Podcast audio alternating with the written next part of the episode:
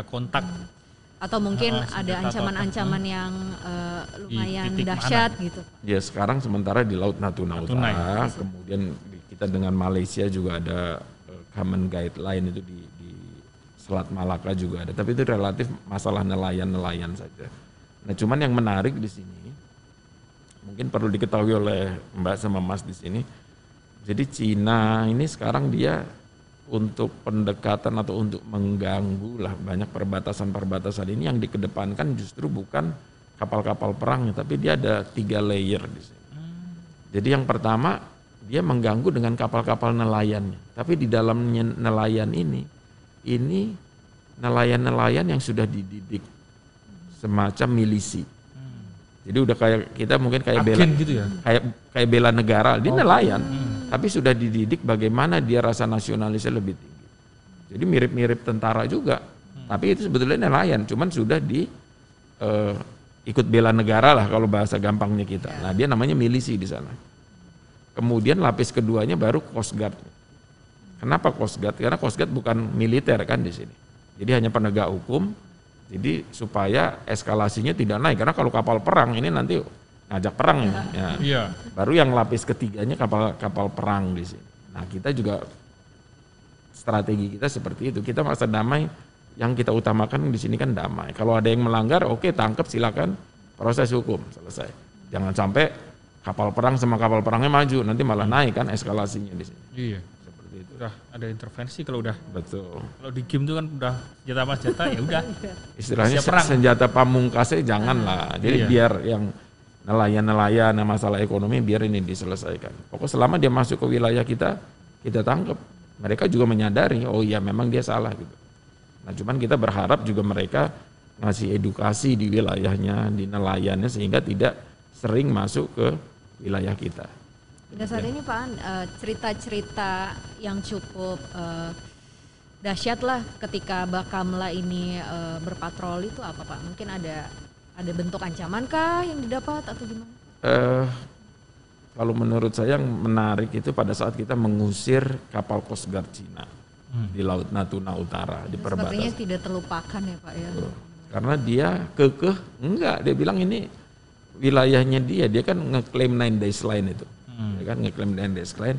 Walaupun Ibu Menteri Luar Negeri sudah menyatakan kita non claimant state, kita bukan negara yang bermasalah tentang perbatasan dengan dengan nine days line-nya yang diklaim oleh Cina. Walaupun di situ ada lima negara yang yang ter apa ya terganggu lah dengan klaim Tidak hanya Cina Indonesia ya tidak hanya Indonesia. Tapi kita udah dinyatakan kita tidak bermasalah dengan Cina. Cuman dengan hadirnya kapal Coast Guard itu, ya saya datangnya dengan kapal Coast Guard kita. Nah lucunya pada saat itu kita belum punya senjata kapal itu. Kapal kita ya maksudnya. Sementara kapal dia udah pakai meriam 57, ada 76. Nah, jadi ibaratnya kita tuh hanya ya sedikit agak nekat lah pokoknya yang penting saya hadir dulu di sana. Saya nyatakan bahwa ya kita tetap friend lah, tetap teman, kita sapa, tapi intinya ngapain lo di sini? Ini kan wilayah gue. Dia ngeklaim juga enggak ini wilayah dia. Kita kuat-kuatan, kita deketin akhirnya dia keluar. Nah, tapi untuk protes ini saya menghadap Ibu Menlu, Bu Retno, Bu Retno memanggil duta besar Cina yang ada di Jakarta. Intinya protes secara diplomasi. Nah, itu yang mungkin baik kita selesaikan dengan cara diplomasi. Bukan berarti harus tembak-tembakan, harus tabrakan kapal nggak perlu lah. Itu kita udah punya jalur masing-masing. Nah, secara diplomasi aja kalau udah protes kan udah ya gerah lah kalau pemerintah ada negara lain yang protes. Nah itu yang makanya saya selalu eh, menekankan ke anak-anak di lapangan itu udah kalau memang ada salah foto ambil video laporan ke kita kita akan lewat jalur diplomasi yang resmi karena itu yang menurut saya cara yang terbaik karena kalau kita fisik wah itu dampaknya nggak bagus. Tapi ya akhirnya kita ibarat kalau mau berantem tuh hanya deket-deket apa loh apa? Ah, gitu aja kuat-kuatan aja di situ kan tapi tidak jangan sampai jeduk. Nah itu yang kita hindari gitu loh. Aduh fisiknya lah Ah, aduh, Sampai fisiknya siapa jangan. duluan yang jeduk? Waduh. tapi paling nggak kita laporan Mancing. ke bapak kita bapak kita nih yang ngomong-ngomong sama bapaknya sana gitu loh. Intinya jangan akhirnya cair masalah itu. Nah, tapi ini juga jadi catatan bagi bagi kita Tapi hingga saat ini mas eh, ada kejadian itu lagi nggak sih selama pandemi Pak? Eh, kalau Cina tidak ada, tapi yang pelanggaran-pelanggaran dari Vietnam ini yang banyak kapal ikan. Nah itu yang juga saya sayangkan, makanya saya juga sudah sampaikan ke pemerintah. Sebetulnya saya dengan teman-teman yang lain KKP Angkatan Laut itu tugasnya hanya menangkap, ngusir, nangkap, ngusir. Saya bilang itu nggak menyelesaikan masalah. Jadi untuk menyelesaikan masalah Natuna perbatasan, Natuna ini kalau saya ibaratkan sebagai gadis yang cantik, yang seksi. Kenapa? Oh salah ya. Ah, enggak. Gue jadi tersinggung. Kamu jangan ini. Aku yang GR loh. Waduh lebih bahaya. Iya. Nah, jadi Laut Natuna ini kalau saya ibaratkan seperti gadis yang Prima cantik. lah ya, ah, prima Hmm. kayak kembang desa lah. Hmm. Sehingga orang-orang banyak Pada yang datang ke ya? sana. Kenapa? Di Natuna ikannya banyak, sumber daya alamnya banyak. Hmm. Ideal lah di situ untuk ngambil ikan. Nah, oleh sebab itu banyak nelayan-nelayan asing yang mengambil ikan di sana. Saya hanya nangkep, ngusir, nangkep itu ratusan bahkan udah kita tangkap. Tidak selesai masalah itu. PR utamanya saya bilang kalau mau menyelesaikan Natuna ini ada tiga. Yang pertama simbol-simbol negara harus hadir. Ini udah dilaksanakan oleh Bakamla, oleh Angkatan Laut KKP. Hmm. Yang kedua yang belum, apa itu? Kita harus bisa menghadirkan nelayan kita di sana. Harus kita ambil dong. Ibaratnya Iya. itu wilayah kita, kok nggak diambil? Diambil, nggak Buahnya dikelola. malah diambil sama orang. Kenapa pertanyaan saya? Saya udah kena tuna sendiri karena saya kumpulin tuh tokoh-tokoh nelayan tuh. Eh kamu jangan ngambil ikan di pinggir pantai saja ke sana dong. Nggak bisa dia belum siap.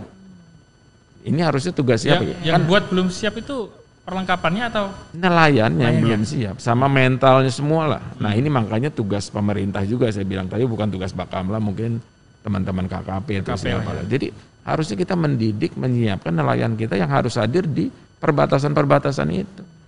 Dicuriin terus. Nah sementara kita belum ibarat banyak pohon mangga kita belum bisa naik pohon. Hanya ngusir-ngusir kan rugi. Saya bahkan saya bilang, saya bilang saya siap ngawal itu teman-teman nelayan kalau memang di situ. Silakan diambil. Jadi sangat sayang banyak wilayah-wilayah kita, tempat-tempat kita yang banyak ikannya, tapi kita belum bisa memanfaatkan. Ya, jadi akhirnya dimanfaatkan oleh orang-orang yang tidak bertanggung jawab, negara-negara asing itu. Kita udah, saya kurang apa? Saya udah ngomong ke komandan Coast Guard Vietnam, dia setuju. Tapi yang namanya nakal ya susah dikendalikan kan, lari lah. Akhirnya kita tangkap. Itu yang kedua. Yang ketiga, kita harus berdiplomasi. Ini saya bilang ini tugasnya teman Kemlu. Kita harus berdiplomasi bagaimana menjaga keamanan wilayah. Ya, Jadi buat damai di Laut Natuna Utara, di wilayah ASEAN. Itu diplomasi harus main. Sama kita bisa, yang tadi kembali lagi ke nomor dua, sumber daya alam itu bukan hanya nelayan saja, tapi juga teman-teman akademisi. Coba dong disurvei lagi, didalemi lagi, kandungan apa yang ini udah hampir 30 tahun tidak di apa ya tidak disurvei, tidak Risetnya dijama, tidak risetnya tuh udah tidak up to date lah. Nah sementara kapal Cina, kapal sering lewat-lewat kita mungkin bisa itu juga mungkin pernah dengar si glider kemarin rame itu ya. iya. Nah itu kaitannya sama itu. Nah ini kita saya bilang ayo dong teman-teman yang pinter-pinter tuh dari akademisi sana coba disurvei lagi, dilihat lagi kira-kira bagaimana kita memanfaatkan laut. ini. Karena saya kan sama teman-teman hanya ibaratnya menjaga saja. Hmm. Jangan-jangan bukan emas, lebih berharga dari Nah emas dah. bisa jadi. Iya, bisa jadi. Iya. di dalam. Ternyata bukan hanya cewek seksi aja, mungkin ada apanya lagi lain di situ kan. Nah itu yang makanya harus di, didalemi Dan sama. itu di rumah ahlinya. kita masa kita nggak tahu kan?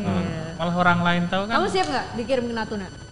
Oh siap, Pan, siap. Aku podcast sendiri di sana ya. turunin aja pak di sana. Nanti kalau ada waktu saya ajak di kapal saya untuk patroli. Wah, Nah, ini jadi bisa lihat, senang hati ini, Pak. jadi bisa ngelihat sunset, Iya. sunrise, ngelihat lumba-lumba. Nanti kita lihat Kapan pak? Bagaimana indahnya laut kita. Kita paham tadi eh, Pak A- Pak Aan menyebutkan bahwa kemampuan dan perlengkapannya sekitar ya 30% lah Ya. untuk bisa mengcover semua. Betul. Nah, strategi ke depan apa nih Pak untuk entah menaikkan presentasi itu menjadi tinggi atau memaksimalkan eh, 30% ini menjadi lebih efisien gitu. Ya, betul. Pertanyaannya bagus dan sulit dijawab juga, tapi saya coba menjawab lah. Memang mas-mas pinter-pinter nih sama. Bukan ujian pak. Bukan, enggak, jadi gini. Jadi dengan segala keterbatasan bukan berarti kita lempar anduk atau menyerah, enggak. Ya, Jadi yang Kenapa pertama lempar anduk ya? Beda. Kan lempar anduk kan kalau kayak lagi tinju, Tinju itu itu loh putih. lempar anduk Oh, berarti iya, nyerah iya, gitu loh. Ah, nggak ngerti nih, nggak pernah main tinju. Iya sih. Bener nggak pernah. Jadi bukan berarti kita lempar anduk atau menyerah. Ya, jadi yang pertama ya saya tetap berusaha ke pada saat saya rapat dengar pendapat dengan teman komisi satu saya sampaikan ini loh saya butuh memang untuk meningkatkan anggaran meningkat menambah aset dan mereka semua prinsipnya menyetujui lah dengan apa yang sudah saya laksanakan apalagi saya sudah ada beberapa prestasi di sini mereka juga apresiasi dan mereka juga komit akan ditingkatkan tapi ini kan butuh proses saya juga berharap berdoa semoga ini nanti asetnya bisa dinaikkan itu yang pertama yang kedua, untuk mengatasi permasalahan yang di laut Indonesia yang begitu luas, kita harus membuat tata kelola keamanan laut. Tata kelolanya seperti apa yang tadi saya bilang harus ada ketua kelas. Jadi kita tidak bisa menyelesaikan permasalahan laut Indonesia ini sendirian. Itu pemerintah biaya terlalu tinggi. Makanya kita harus tunjuk siapa ketua kelas. Nanti ketua kelas yang ngatur, eh yang tadi saya bilang daerah sini rawan, eh giliran kamu dong hari ini nanti dua minggu kemudian gantian yang ini dan seterusnya dan seterusnya sehingga ada yang ngatur lah di sini. Bukan berarti di bawahnya tidak ya. Bukan berarti ngambil kewenangan mereka tidak ya. Hanya di sini tata kelolanya. Jadi ada ketua kelasnya. Yang ketiga kita melaksanakan eh, taktik atau strategi flat in being. Jadi kita tidak harus hadir di mana-mana, tapi kita siaga di mana-mana. Begitu ada kejadian, bisa kita deploy satuan kita ke sana. Jadi ibaratnya kalau ada emergensi kita bisa datang, tapi bukan berarti kita nungguin di depan UGD semua enggak. Tapi kita siap gitu loh. Jadi armada siaga nanti. Itu salah satu untuk mensiasati kekurangan-kekurangan tadi itu, Mas. Tapi kalau kita udah ideal, tentunya nanti konsep strateginya beda lagi. Ya.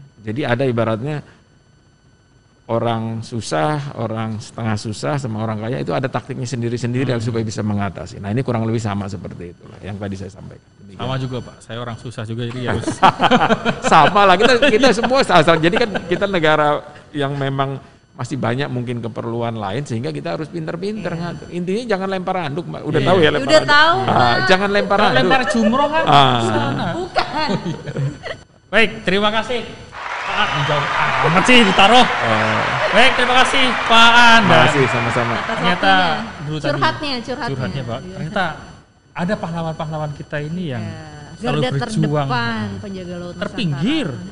Maksudnya terpinggir itu di pinggir-pinggir iya, perbatasan iya. dan laut kita cukup luas untuk dilindungi dan cukup kaya untuk sebenarnya untuk diawasi dan dilindungi. Dengan segala keterbatasan tetap optimis tentunya.